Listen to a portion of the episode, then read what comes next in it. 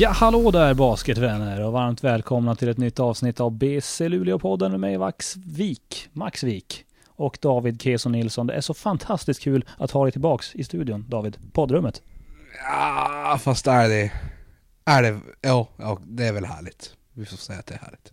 Det har ju hänt mycket sedan du var med sist. Massor. Du är tränare för Luleå Basket, assisterande och jag är fortfarande samma sak. Men du är framförallt tränare för Luleå Basket, assisterande återigen. Ja, det känns som en livstid sedan jag var här senast. Ska ju faktiskt sägas. Ja, jag vet inte om det är bra eller dåligt. Eh, Det får kanske våra lyssnare få avgöra. Men idag så har vi ett, eh, återigen en gäst med oss här idag. Eh, Och det är ju faktiskt då Daniel Alexander, one of our new players this season. Welcome to the podcast. Thanks, uh, Max. Great to great to be here, and it's awesome how you switch between Swedish and English so uh, fluently. It's amazing. That- That's what I do. That's what I that's what I do. I don't do many things, but one of the things that I do is switch between languages, ve- without flaw. For sure. I wish I could do that with a, with a few more languages, but I can't. What? Do you speak some Finnish? Just a l- really, really small bit of, of Finnish. My my mom speaks Finnish though. Because you're... So you're... Is your mom like 100%... Was she born in Finland? So you're like a quarter Finnish or... Twenty five percent. That's that's what I am. So, so but I I know like a like a sentence or two, but that doesn't doesn't get me that far though. Who the hell threw the blueberries? Something like that. Something like that. Uh, but let's talk about you, Daniel. Uh, what, what what is your first? What were your first impressions of this city, Luleå, coming here? Uh, first impressions one are that the people have no problem warning uh, others of the cold to come. And as I would comment on the beauty of the weather and just the city, everyone would say instead instead of saying like, "Yeah, it's amazing," they would say, "Just wait, it's about to get very terrible," and things like that. So I'm almost a little bit i'm like looking over my shoulder each time i like leave the apartment. I'm like is this gonna come upon me like a robber or is it gonna be slow? Because it seems like the weather changes here pretty drastically because right now it is a little bit chilly a little windy but um, it's still great. The uh, the city's beautiful in my opinion and we're right here by the water. The, my apartment's like 20 feet from the water which is pretty cool. I've never lived that close. Um, and so anyways it's just it's it's really great thus far. Um, and so we'll see. Maybe if I get to come back on another podcast in a couple weeks, or uh, or maybe a month or two, maybe we'll have a different conversation. For sure, and I I think that's a big cultural difference. People from Sweden, especially northern Sweden, I, I would say that we're maybe a bit negative. Yeah, we don't take compliments very well. It's just, oh, it's a nice city. And we get, you know, sheltered and we tuck our shoulders in. And, yeah, we sure right now, but, you know, flick a switch and it's minus 20 and freezing your ass off. That's just how we are. It's it's it's nothing towards you or anything. Right. No. No. And I, I've noticed sometimes people who uh, some would say are cynical, they would just say we're being realistic. So Swedish people are realistic, maybe instead of negative, depending on how you. want. That's my positive outlook on it. I still feel like kind of, like, I still get surprised every year at how cold it is, even though I right now feel like, yeah, it's so cold in the winter. But when the winter hits, I'm still like, oh shit, it's really cold. So, It's it's insane that you get used to it. uh, I mean, I don't, I don't, I don't think I get used to it. When you're in the middle of it, Oh yeah, when you're in the middle of it, yeah. Uh, but then when it starts getting hot again, just like when it's like at freezing, you're grabbing your shorts, grabbing your t-shirt, in the beach. It's strange. Yeah, that's really strange. Have you had the opportunity to, to explore the huge city yet? Yes, it, the the giant metropolitan of a city that Luleå is. Uh, I have a little bit. Some of the places that I find myself walking, I go to uh, Willys, and then I actually go to church on Sundays right next to Willys. Uh, there's a church that meets in one of the buildings next to there, and so I. Uh, and then I live near Waldorf, the Asian restaurant, and so there's that. Uh, and then Hermelinen, uh, getting to go there and uh, as you can tell, I only have like markers for places that I go instead of uh, I'm not able to say, oh, I travel over to the east side every once in a while for coffee and fika with friends, or I go over here or there. So those are just like some specific places that I've gotten to go, and I haven't gotten to see really outside of the city much. Um, but as far as like the main streets and things like that, I'm trying to kind of get my bearings, and I'm also trying to find some cool places uh, so that when my wife comes in about a month, hopefully I'll have places to be able to take her and at least pretend like I have some semblance of awareness of like where it is that I am. And I can be like, oh, we can go here for coffee. It's very nice. Or we can go here and buy flowers or something. Oh, you'll get there. yeah, Yeah, I'll get yeah.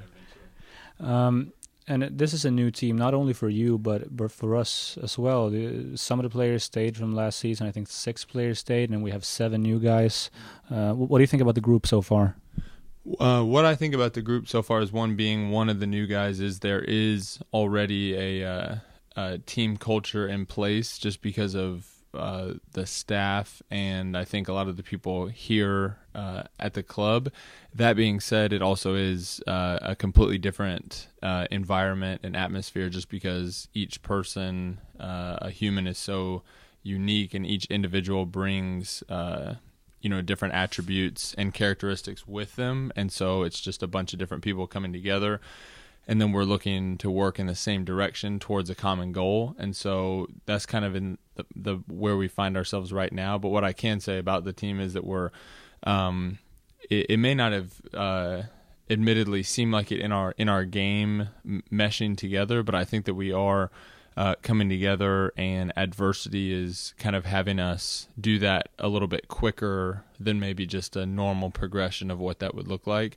And so we're getting to know each other a lot quicker than maybe we would have with a longer preseason or or um, just different circumstances, things like that. And so um, I think that we're just getting to know one another, um, but that that process has been kickstarted and um, and that that's happening, you know, r- right now. So so uh, this summer when you signed the contract, what made you want to come and, and play for this team?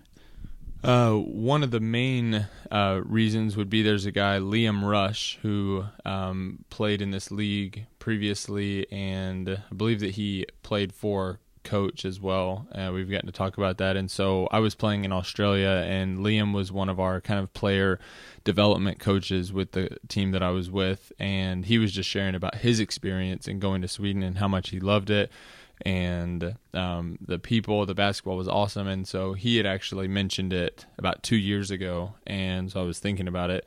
And then he reached out to coach, and I believe then he reached out to me. You know how that um, whole um, kind of like he spoke to him, and then you know I'm not exactly sure how all of that works, but eventually um, this this team reached out to me, and as I was hearing about what it is that they've done in the past and where it is that they're looking to go, I knew that I wanted to try and be a part of that and believe that I can help where it is that the club is is headed. And so that was that was how how that happened. And that was pretty much the main reason and Liam has been real helpful in just sharing you know what that's like and I've get, stayed stayed in, in touch and connected with him a couple times since I've been here. Um, him just asking how it's all been going and things like that. So that's probably the the main, at least one way that I would point to to say that it eventually led me here. And you and Liam, you met in Australia, but we're gonna get to there, that in a, in a, in a few minutes. Uh, and I just want to tell you, David, that uh, if you want to ask a question, just you know, Raise my hand. raise your hand or just give me a pat on the, sh- on the shoulder or whatever, whatever you Just know. quick poke. Yeah, something like that. So just do that. Um, let's talk about this team style of play. It's a it's a fast paced, you know, uh, high energy type of team. Uh, what do you think about the the style of play that this, this team has? Is it something that you're used to, or, or what, how do you view it? Uh, an interesting thing about that is I think every team that I've been on says at the beginning that they want to be a running style team, uh, almost similar to every team that you're on says they want to win the championship at the end of a season. I don't think that there's any team that would say we don't want to win the championship this year. Um, and so, and a lot of teams, I'd I'd say I, I don't think all of them, uh, based on personnel, but a lot of them would say we want to be a fast paced. You know, it's an exciting uh, way to play basketball. And um, so, with that being said, there's a a process to get to that place, and it, you can't just say we want to be this and then that happens. And so, uh, we're really continuing to work at what that looks like. And so we run a lot uh, in in training, in practice, and um, coach continues to put things in so that we can play at that high level, but also under control. And so you don't want to substitute um, being under control for just playing fast. And so that's kind of I think the place that we find ourselves in, wanting to push the ball and wanting to speed teams up on defense and then also being where we want to be in our spots and knowing where each other are. And so I think that's the piece right there where we have the pieces, but um, it hasn't it hasn't come together just yet in a way where we're I think confident in where we are with that. So we're still taking steps towards that goal. Uh, but that's kind of where we find ourselves right now and looking to have that as our identity as a team, as it has been in the past for this club. And I have no doubts that we'll be able to get there and that um, the staff and, and coach specifically, that he'll be able to get us there because he sees that and has that vision. And as we watch film for where we want to be, things that we need to do to change to get to that place, uh, it the things are, are really clear. It's not ambiguous, and no one knows what. It, it's things that we that are uh, definitely achievable. And so now it just comes into doing them not once or twice, but consistently through practice and games, and then it'll become part of who we are. And uh, we can't not talk about it. The home opener, we lost it against uh, a newcomer. Uh, I mean, that must have been tough. Yeah, yeah, it was. Um, it was definitely not obviously what we were hoping to do, and we wanted so much more for uh, the the crowd and to kind of get to introduce ourselves in a sense. Um, and so, with uh, that game having been lost, it uh, adversity does a, an interesting thing. I think I'm not sure exactly who it was that said it. I've heard it attributed to Benjamin Franklin or Thomas Jefferson or just some old cool guys with white hair. Um, but ba- the the quote is adversity introduces a man to himself, and I think that that's so true because in that moment, all pride, all um, all of these things are have taken a hit, and we're just having to look at the facts and uh, and kind of just come to a place of self reflection where we're really looking to see where are we at right now uh, because after that loss, there's no um, two ways about it. You can't say, well, this or that or whatever uh, excuse you want to give to try and uh, soften, I guess, the, the blow of uh, that particular defeat. And so I think what that's done, at least I can at least speak for myself, is just have me look internally to see what it is that I'm doing. Am I really doing the things that I say I want to be doing? And um, th- so these past couple days have been uh, challenging for me, honestly, in that way because that self reflection and the level of commitment that it would take to change again, like I referenced before, not once or not twice or you know when we come into practice we're gonna go it's each each day. And um and so in a way I think that I and then the rest of the team are learning from that as opposed to um because we we were uh, really really bummed. And and it's not um you know, we weren't like, okay, you know, that's kind of part of it. And um, it, it wasn't like that at all. And so, with that being the case, I think then how we bounce back from that is going to be a, a, key. And then, David, as you mentioned before, the fact that we get to play here on Tuesday is a, a huge blessing, at least in my eyes, because we get to try and quote unquote get the taste out of our mouth, you know, in that sense, and and get back get back to it instead of having to wait a whole week or or even having a series of away games and things like that before we get to come back home before uh, in front of our home crowd. So that's um, kind of the place I think that we're at right now, humbled and um, and also really really hungry as well. Yeah, and at the same time, uh, it must be kind of nice because you, you know you never go through a season the smooth road all the way. I mean, you'd rather have the bump in the road this early than February or March or something, I guess. Yeah, yeah, I'd I'd, uh, I'd say so. And again, we I definitely would we would prefer for the circumstances to not be like that and for us to have gotten to learn that somehow in another way but certain certain lessons at least in in my eyes um, this is I'm, I'm speaking from from my personal this isn't necessarily our approach as a team but certain lessons cannot be learned apart from certain circumstances taking place. And so i think for me um, that this was just so uniquely difficult and challenging and even painful that it's causing a unique level of focus to take place at the beginning. And uh, instead of kind of as we go along finding ourselves and figuring it out little tweaks here and there we're like really uh, locked in. And so hopefully the direction that then we set off um, down the course would be the right one as opposed to having like you mentioned making huge turns late in the season um, at a point where potentially it'd be too late. Yeah, that's where we are right now. And uh, as we always do in this podcast, we go back and we talk about uh, the person that we interview, what they've done before in life and in their careers. Uh, so, so let's just start with uh, where where you grew up. Mm, the origin story of Daniel. This is my favorite story. Um, I was born in Los Angeles, California, uh, to a mother and father, obviously, and uh, my dad's an architect, and so he, because of his job, we've moved to from Los Angeles to Washington D.C., and I was homeschooled uh, while in that's in Virginia, so west coast of the U.S. to the east coast in Washington D.C. And then when I was about 10, we moved to Texas. And so I've been there since then. Um, went to high school there, uh, started going to public school there in middle school, which for us is fifth or sixth grade, uh, depending on what, what school you go to. And then um, went to college and things like that. But grew up um, in the U.S. and. Um, had a, had a couple different places that I lived, but but I would claim Austin, Texas, as my hometown, having grown up there since I was about ten. I was just going to ask you about that. That you bounced around, but uh, Austin is where you. That's where what's, what's your home like. That's you consider that home. Yeah, that that's the city that I would rep. Nice, um, but but you mentioned homeschool until until you were twelve. How was that?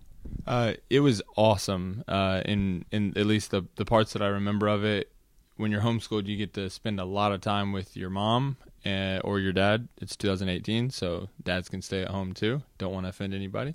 Uh, no, uh, uh, but my mom was the one who stayed home, so I spent a ton of time with her. And um, and then I have a younger brother and a younger sister, so hung out with them a lot as well.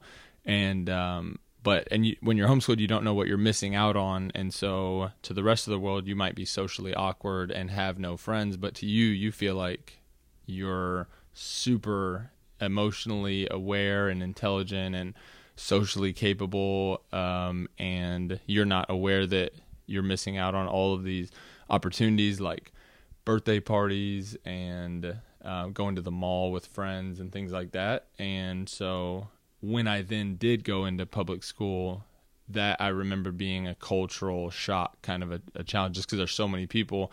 You're in a classroom with like 30 or 40 people at all times, all have their own opinions on what you're wearing and the things that you do and all of that. And so it's no longer a place where you can just like every thought you have, you can just say, and your mom thinks you're great because you're her kid.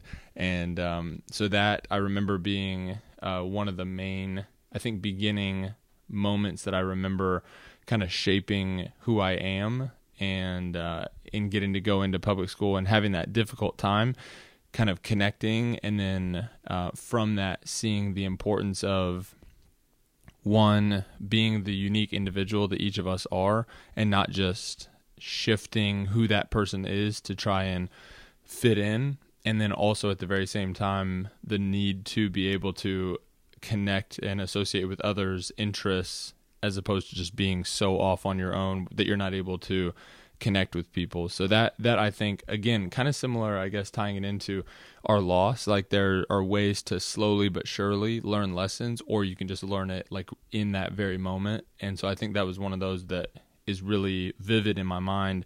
Um, not traumatic, but almost there, where I just like learned all of that as like a wave all at once. And um, so, and there's a there's been a lot of moments actually in my life like that where, and I think for each of us, there's a lot of things that we've learned slowly but surely. And you know what? I, I've come to learn over the years that blah blah blah, whatever it is, or it's like this thing happened one time, and I learned this from that moment of when I got broken up with and it was crazy, or when I got cut from this team or fired from this job or whatever that moment was. And uh, so homeschool in that situation was, I'd say, one of those. I was just gonna ask you about how how you adjusted and everything, but you pretty much answered it. So David, I'm ahead of the game. I could see that in your mind, and I was like, I think Dave, I think David wants to know about how I adjusted. I'll share that with him now. This is beautiful. Uh, and let's talk about how you found basketball because you were inspired by the Harlem Globetrotters. Am I right? Yes, I was. Uh, much to many of my uh, coaches that I've had uh, demise, actually, no, not demise, but um, so when I was homeschooled, I went and we lived in Washington D.C. Our we went to our nation's capital and the Pentagon and some really cool places. And the Harlem Globetrotters were doing like a street show, and so we went and watched. And I got picked out of a crowd of however many. In my mind, it's like thousands of kids, but maybe it was just like forty. And uh, but in my mind, it's way more epic. So I got picked to go out in front of everybody and spin the ball on my finger, which I couldn't do, but they can. And then they like held my finger and I remember them being so cool and confident and just able to do almost like magic with a basketball. And I was like, I told my mom, I want to be just like them. And so I started practicing silly, bat, probably not great fundamental habits. You know, I, I think you learn with dribbling, shooting. I was like learning to like kick it up onto my like arm and then roll it down my sh- anything like that. Um, but I have found that a lot of those tricks don't necessarily come in handy during basketball games, but more so in hanging out with kids and to get their attention and to gain validity because for some reason it, that stuff is more appreciated by children even though it's just awesome across the board for adults kids whatever it is um, but yes i was inspired and, and i think that give gave me that desire to pursue basketball and then i kept getting taller and taller and taller. So I was like, I think I found a niche. Um, and I, I haven't played any other sports um, since joining public school. Like I stuck with basketball. I figured I would put all my eggs in that one basket and see how that turned turned out. And um, I'm getting to talk to you guys here in Sweden because of it. So I'd say that it has been an ultimate success. uh, how good would you say you are with the tricks and stuff? Because I'm in my head, I, I see as you saw me wanting to know how you adjusted I see in, in Muck's head. He want to post a cool video with you doing cool tricks, but oh, no, I I'd say I'm about about a seven point three out of ten in uh, in skills, and so there's definitely a lot more. I can't do a lot of soccer style moves. Um, but as far as like juggling and balancing different things like that, I'm pretty good and uh, and always looking to get better but during like basketball season, there's so many areas of improvement that I have for like my job that I should probably be focusing on. And if coach came in and saw me like pra- trying to juggle more things and stuff, he would be like, "I've made a huge mistake." And uh, like he he's not rebounding well, but he's like learning to spin three balls at one time or something like that. So uh, we'll keep that between us. But um, but yeah, no, I would, and and even beyond when I'm done pursuing basketball vocationally as a profession, I would like to somehow incorporate um, the showmanship aspect of basketball because to me that's personally my favorite part um, of it, and uh, so I'm not sure what that will look like, but I'll keep you guys updated. you never like tried out for the Harlem Globetrotters or something like that? No, I uh, one one thing that was so funny on one of the teams I was playing with the Phoenix Suns uh, G League team. It was called the D League two years ago, and um, I was telling one of my coaches um, about kind of this this concept, and he was like, "You know, I actually know uh, the coach for the home globe," and I was like, "They have a coach? Like, I feel like they just like run around and are awesome." But um, he was like, "Let me know if you want. Uh, let me know if you want me to reach out to him for you." And I was like, man, that I was there's so many things were happening in my mind all at once that I didn't even give an answer. I just sat there. But um, when again, when all this is at least like this um, season of life and beyond is done, um, I I think I also thought that um, it was just like you get to do tricks whenever you want, but their like schedule is crazy. They're like legit glo- like trotting the globe. You know they're here and there and overseas and they're just all over the place. So um, for the time being i'm really content with where i'm at. I can see that. Um, and let's talk a little, little more about you know coming into public school and stuff like that uh, you and i we spoke about it before Uh, but and, and we spoke about back then also that uh, it's always been important for you to have ways to express yourself. Uh, just tell me about that.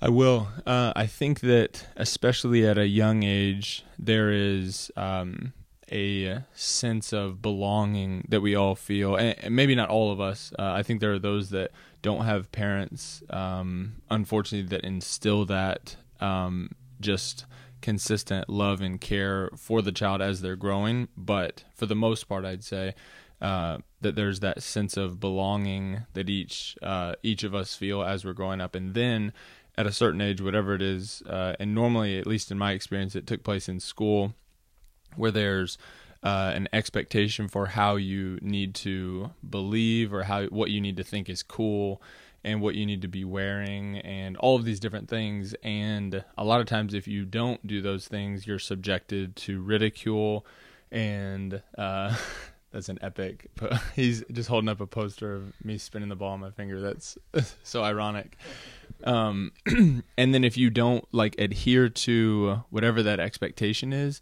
then you get treated poorly. And I see that uh, be, from experience, and a lot of times you can be pushed kind of to the outside, and uh, so now as I'm as I'm getting a little bit older, I find that those same things are taking place, and we just address them differently i think or, or maybe don't even address them at all. And a lot of times i think it's just like you need to just be tougher. And there could be an aspect of that you know a thick skin and not um and not you know being so overwhelmed by the things that people think and say about you. So i'm not saying that i'm not necessarily pushing for every place needs to be a safe space. And if you say one mean thing ever that you should go to jail or i'm not saying that necessarily but i just think that it's so important for us to be unique individuals because I believe that that's who we are and uh, that we're each created uniquely with different gifts, with different attributes, different perspectives, different things that we learn as we're growing up um, that'll be unique to each of us. And a lot of times I think culture wants to put you into a type of person and just be that and don't step outside of that. And so, uh, basketball players, I found that there's like a particular kind of um, cultural way that a basketball player is viewed, and a lot of times it would be poor social skills, uh, just only focuses on basketball, um, different relationships, no no commitment to one particular relationship, um, loves money and the pursuit of that, uh, rap music, you know, all those different things. That to me is kind of like normally how that person is viewed, and that's just not necessarily the case, but I think a lot of times, at least I see in basketball players, they feel like that that's kind of the culture, so that's who I need to be. And then it would go in each, whether you're an engineer, whether you're a this, whether you're that, you're kind of tried to put into a category. And um, I'm not saying that it's completely bad because I think it's cool to be able to associate yourself with different groups and things like that. But I think to the point where it becomes an identity. Um, that you can't break away from, I think is where uh, you would want to maybe take a look at that and be like, is this really who I am? You know, do I is this really um, who I want to be? Is this um, really the things that I believe, or is this the things that culture has told me in order to fit in that I need to believe? So that that's those are some thoughts that I have on those things, and it's been because of uh, being maybe put off to the side in homeschool and having a tough time making friends at first and uh, and and then also as I've grown and seen the same thing happen to others who don't necessarily quote unquote fit in. Um, so those are those are some thoughts that I have there. Do you consider yourself like uh, like different, or I don't know, I don't know if that's the, the right word, but do you know? Uh, I think you understand what I mean. Yeah, yeah. I I don't. Uh, I take offense to that, Matt. No, I'm just kidding. no, um, I would say I str- for the for the sake of I don't think we should try and be different for the sake of being different and just like have weird views and I don't think it should be like that at all. But I think if we were to look within ourselves and, and see what is it that I actually think about this or what is it that I actually like I think we would find um, I had a teammate uh, to to give an example this past year and we were sitting next together next to each other on most plane flights because of where our last names were and he was he was only listening to rap and and I I so I would sometimes check out a song that he had, and I was like, it kind of all sounds a little bit the same, and some of the same things are being talked about.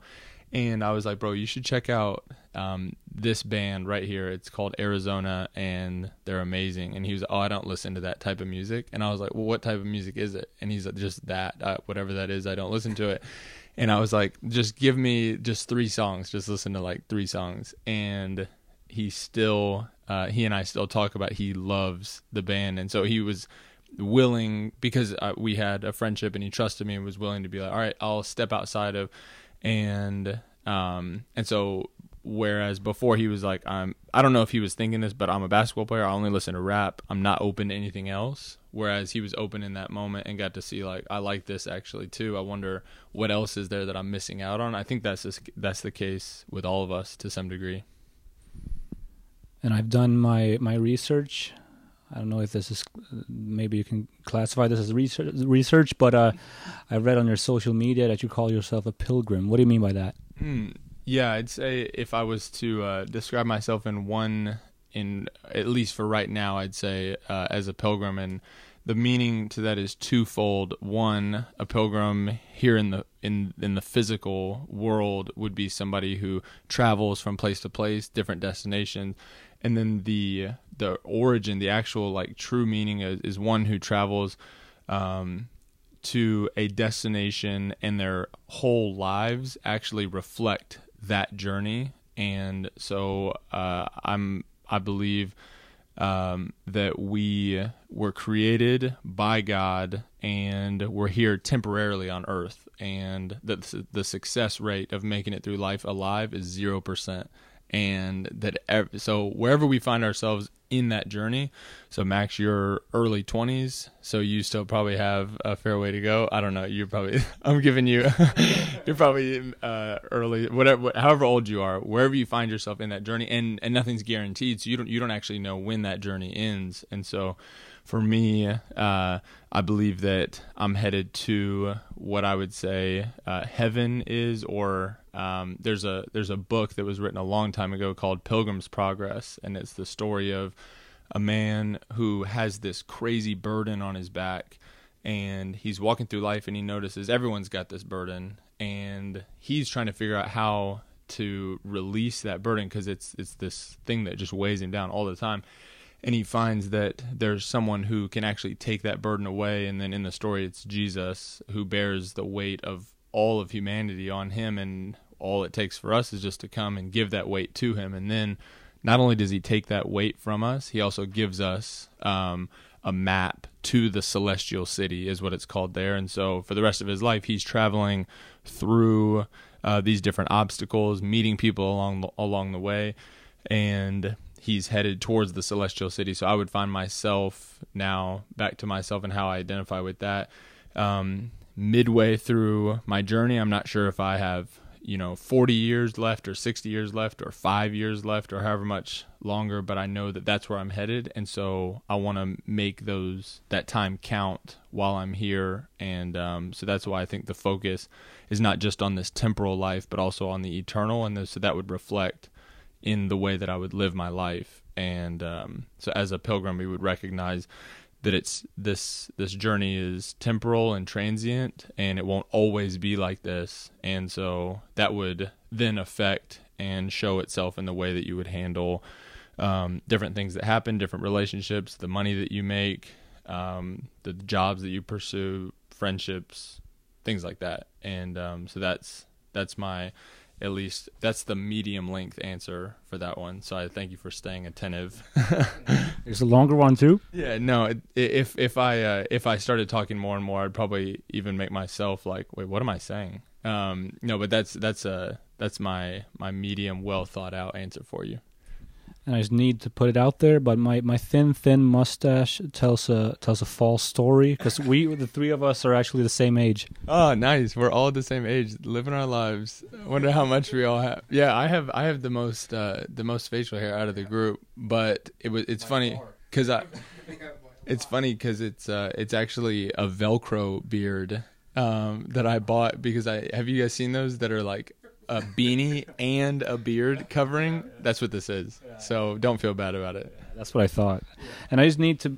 I, I'm I'm not. I don't think that David is going to be too happy about this, but I, I think it's content, so I have to say this. Um, and you know, I I love content. Um, when you guys met uh, on the hallway for the first time, it was really really tough for Dave because he think he think he made he made a, such a lousy impression that he had, had trouble sleeping that night. Uh, just tell us about that, David. Yeah, this is content. Uh, no, it was. Uh, I just. This is tough for me, you know. no, but uh, I uh, for I have sometimes I don't hear so good. Uh, usually when I've been flying, like it doesn't release the pop, you know. Uh, and so we met in the hallway, and I think you said something, but I didn't hear. So I just kind of walked past, and I just I just froze. I, I I'm very bad, and I I feel like those kind of situations I'm not good at them. You know, when you just have to say something real quick, like "What's up" or stuff like that, it's really tough. But uh, yeah, so I, I think I made a fool of myself, but I'm not sure. What what did you think of David when, when you when that happened? I thought David was a man with a mission who was had somewhere to be, and I did not take any offense because I was like, man, he is on his way somewhere. He's a pilgrim on his journey. No, but I, uh, I, I one one other thing that I noticed is sometimes I, uh, only speaking English, uh, feel totally handicapped when I go to another country and I'm, uh, entering into another culture and then I'm bringing my kind of cultural norms with me. And so you guys are actually being really accommodating to even speak English with me. And it's like the only language that I know. And so you guys might be limited in a way that I'm not but I don't know any Swedish. And so if I come in and say like slang to David having never met him before what's up David? or what's up man? or whatever I said and then he's like he has to think through his codex of words that he can use. And he's like am I supposed to say what's up? Or am I supposed to say the sky? Or am I supposed to say hello? Or no that's not cool. Or so there's just like a lot that happens all at once. And uh, so david there's a total pass. And as i've gotten to know you a little bit more i don't think that you're um, socially awkward at all. I think maybe with first impressions um, you're an 8 out of 10 so there's room to grow but um, but besides that there was no it wasn't anything it wasn't anything bad at all i was i just thought he was busy because he's on his he's he's on the move somewhere. That's pretty much exactly what happened in my head. Like, if it was, I think it was uh, "What's up," and I just go like, "Do I say what's up? Do I say hey? Do I?" Say, I have no idea, and I never thought about it. But yeah, and I just kind of walked past. That was a big big thing the first time I visited the U.S. We did it together, right? Maybe you you went to the U.S. before that. I'm not sure, but we went to Michigan with our team, like when we were like 15 years old or something. And the first first time you stepped into a Foot Locker and, and someone said, "Yeah, what's up?" And I was thinking, I'm gonna say like, "Yeah, not much. You know, I'm just visiting here from Sweden. You know, and, uh, to talk about your life. That, that's that's not what you do. So we figured out that oh, you just answer back like "What's up" or something. Yeah, yeah, it's really strange because there's so many things in in uh, English, at least American English or whatever you would call it, that don't like really make sense. That's especially like if you're asking somebody like, "Hey, what's up?" or even somehow like, "What's going on?" You're just supposed to say nothing, and so you're like, "Really, nothing is going on." The world is not spinning a thousand miles an hour through the atmosphere, through the galaxy. We're not like everyone isn't like you're just doing nothing. You're not breathing. You're not digesting food. You're not doing anything. Just nothing. So it's like all these weird um, different things. And so there's a total pass for anyone who doesn't answer that question correctly or whatever you're supposed to say because it's a weird one. And uh, speaking about the galaxy, you're a huge Star Wars fan, uh, and D- David is too. Uh, w- when did you become that?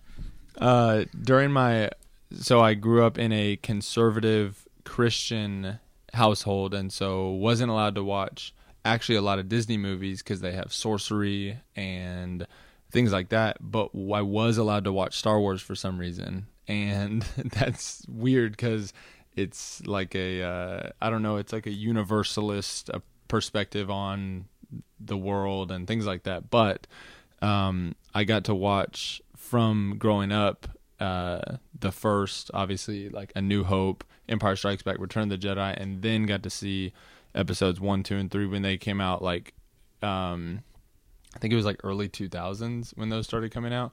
Um, and I'm really thankful that I did because when I try and go back with, I've gone back with a couple of my friends and now my wife, and it's they're not hard to watch, but because you, but you in your mind you put on like goggles of nostalgia where you're like it's amazing either either, way, even though the movies are like made so long ago. Um, but so I got to watch them when that was still like amazing cinematography and things like that.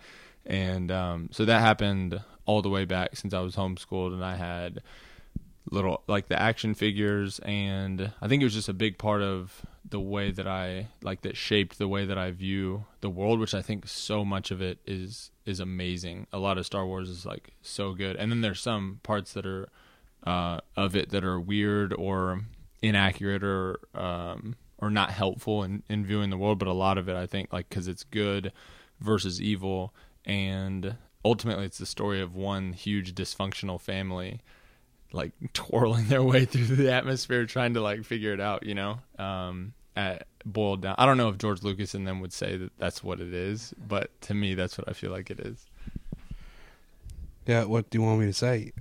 I felt like you poked me. Uh, no, I didn't. But yeah, um, I'm a big Star Wars fan. Star Wars fan also. I, I'd say I had a period in my life. I'm not sure where this is in time, like how old I was, but I've probably seen Return of the Jedi like 25 times. Yeah, I had like uh, every day I got home and I watched A New Hope. Then the next day Empire Strikes Back, and the next day Return of the Jedi, and I go like that for like a month. So every day went four five six, four five six, four five six. Well, that's good. it's it's beautiful because each time certain reveals are still so powerful like even though i know that uh, darth vader is luke's father each time i'm like i'm like no way this is amazing and uh, even though like like you said so i totally get it like getting to see it over and over and then the story of redemption at the end return of the jedi is my favorite one personally um, that's an impop that's an unpopular uh, opinion amongst Star Wars geeks, apparently, but I don't care. Um, I love I love that one. But anyways, I, I don't know if our, our the people listening would care as much about Star Wars as we do. I doubt it. Maybe, but I doubt it. They might, they might not. I think I've only I've watched like two of the films. Maybe the one where Darth Maul is in. Yeah, Is that the worst one? yeah, it probably is, kind of. Yeah. Whatever. Whatever. Uh, let's let's talk a little bit, bit more about basketball and and uh, you know going to Texas A&M, uh, playing there, huge school. I mean that that must have been been a huge thing. You know, getting accepted there and getting a scholarship there.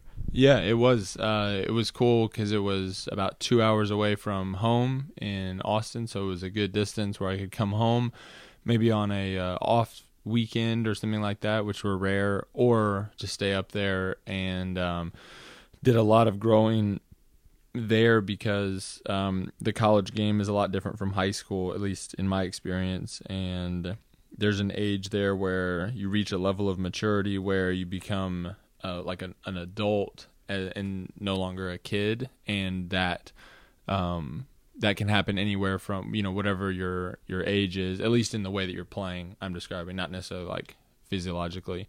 Um, and so I was still playing i think at like a kid's level as i went into college for my first year and even maybe second year and i'm starting to try and mature and grow and just get used to the speed of the game the strength required to play at that level and uh, and then each year there's new players coming in you know that you're competing for spots against. And so that was a really challenging time um, there at, at a&m i went to play for one coach and he left after my first year and went to another school. He went to maryland and then a new coaching staff came in with new players. And so that was a weird dynamic. And so I'm, i was trying to fit in while at the same time um, do what it is that I feel like I do well, and there's a, there's different requirements, a different playing style, different offense, different defense, things like that.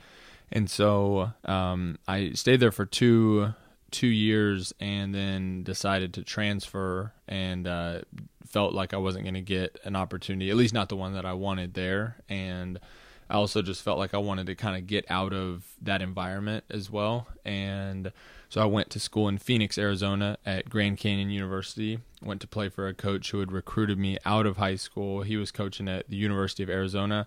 And then he got this job at Grand Canyon University. And when I got there, uh, I had to sit out uh, because when you transfer, you sit out for a full two semesters or a full year.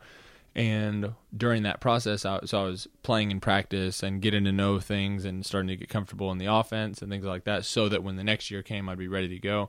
And then they fired him, and then a new coach came in, and so I had four different coaches in four years, and um, then also because of transferring, because of sitting out and redshirting my first year at A and M, I actually only got to play um, in three years played I think like eight games or something, and so that was like a, a an amount of experience because there's no substitute for experience in games. You can practice a ton and things like that, but game experience is so crucial, I think, to a player's development. And so I felt like I was a little bit behind on that stuff, um, and so was really wanting to learn as quick as possible as I was playing there for a year and a half of getting to play. And so uh, really enjoyed my time there at Grand Canyon University and continued to grow and develop. And um, so that was kind of my college experience. Definitely not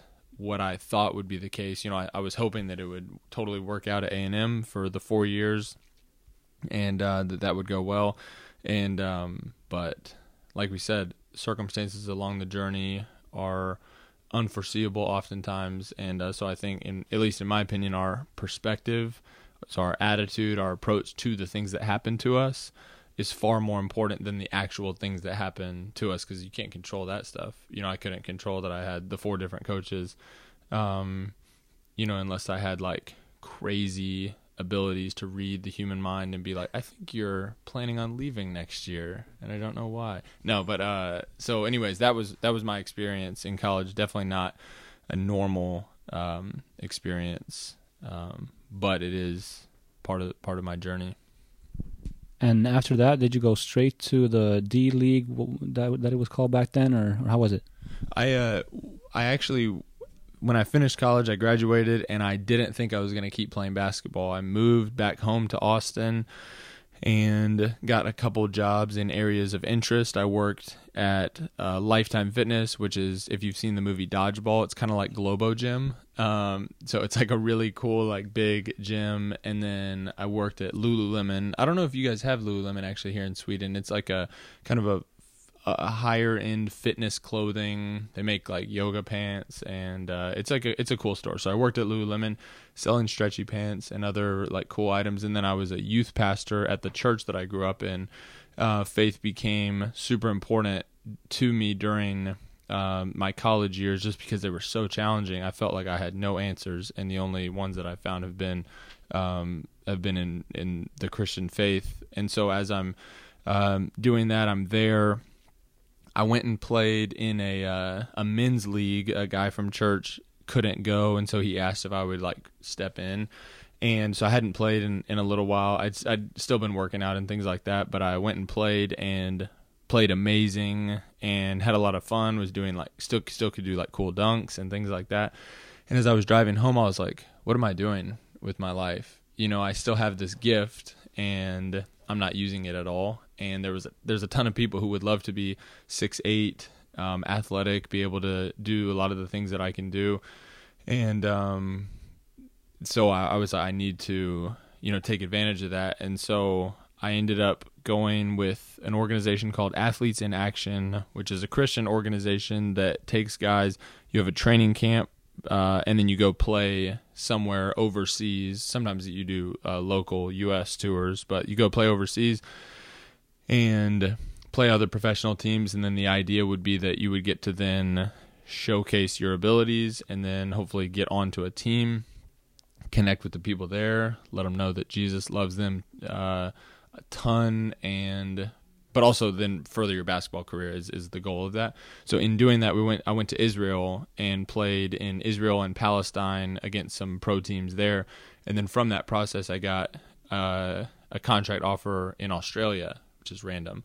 Um, but so I went to Perth, Australia, played there. That's where I met Liam, and uh, played there for one year. Went back, played for the Phoenix Suns D League team. Finished that, went to Australia again, different league, different side of the continent, um, and then came back. That this was now the most recent time. Played in Austin for the Austin Spurs, uh, the Spurs G League team, um, in the G League, and then finished that. Finished a season in Australia back at the same team that I went the very first time. Um, to finish that out, that's where um, finally got like reconnected. Liam connected me with you guys and finished that.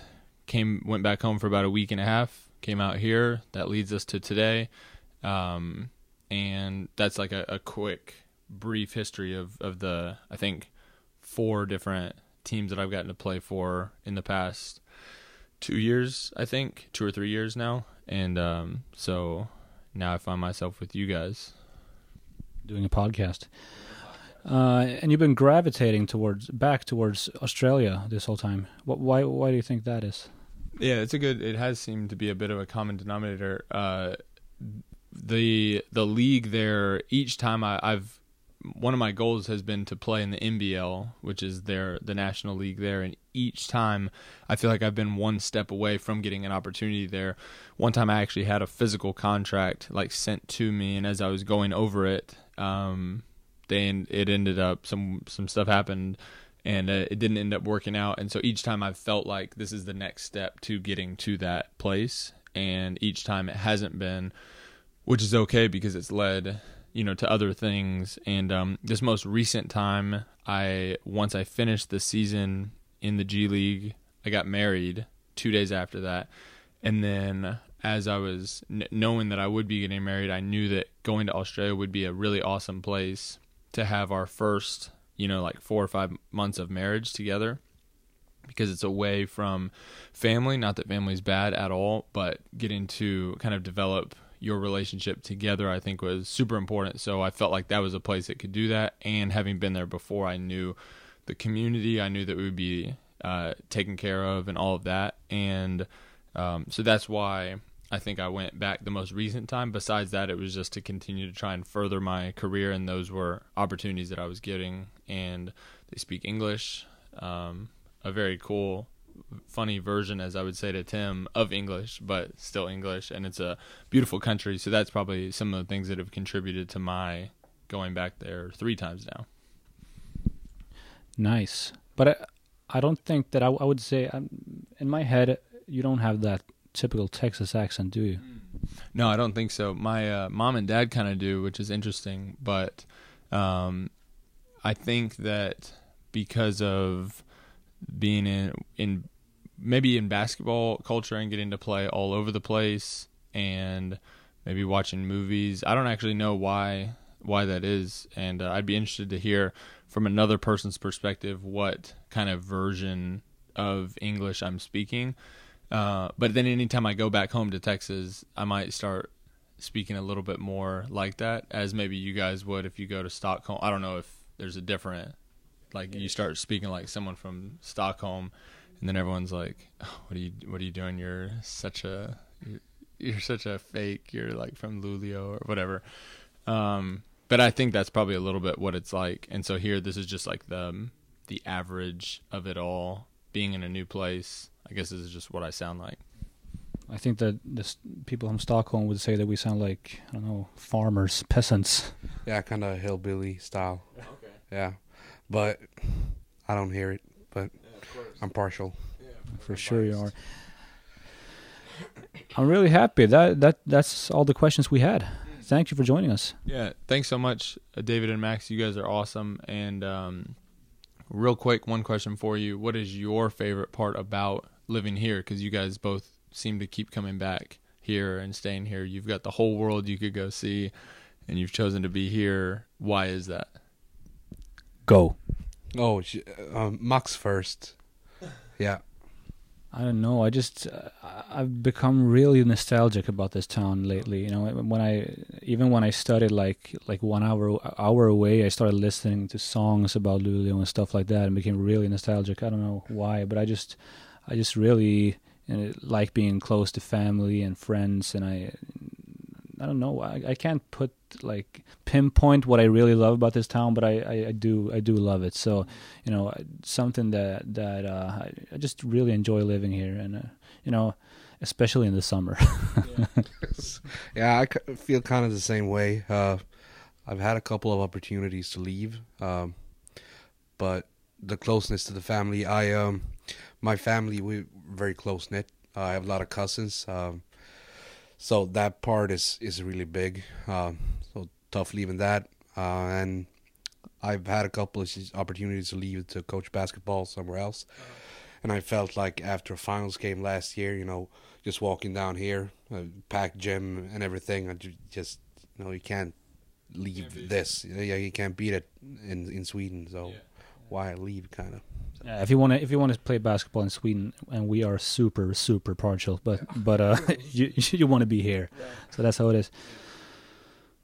Well, does that answer your question? It does. Thank you so much for sharing, and I hope to develop some of the nostalgia that you guys have for this beautiful place. Because right now it's just a cool place to be. I don't have that aspect of it yet, and so I hope that that grows during my time here, and that I grow to love the frigid, cold environment of cynics and yeah, and uh, and just the so far the the time has been awesome here, even despite the the tragedy of losing our and I'm not being sarcastic like that. That was really unfortunate um, of of losing our first game at home. But even apart from that, um, really looking forward to the rest of my time here and um, and also getting connected with some more people and even going to get. Do you say go get fika? Okay, yeah, yeah fika and food with friends. Yeah, yeah that's beautiful. And, and we need to take you out to Skurholmen because that's where it all happens. That's where we're from. Yeah. Best place, best place in Luleå. Yeah, I don't know if it all happens there. It's just, it just is kind of. But yeah. But that's, the, that, that's, that's the cynicism side of it. You don't know if it all happens there, but at least something happens there. So that's great. Yeah, for sure. Då säger vi tack till alla som lyssnat och tack till Daniel Alexander. Lite på härligt eh, svängelska svengelska där. Eh, och vi hoppas ni har tyckt om det här samtalet lika mycket som vi. På återhörande. Hej!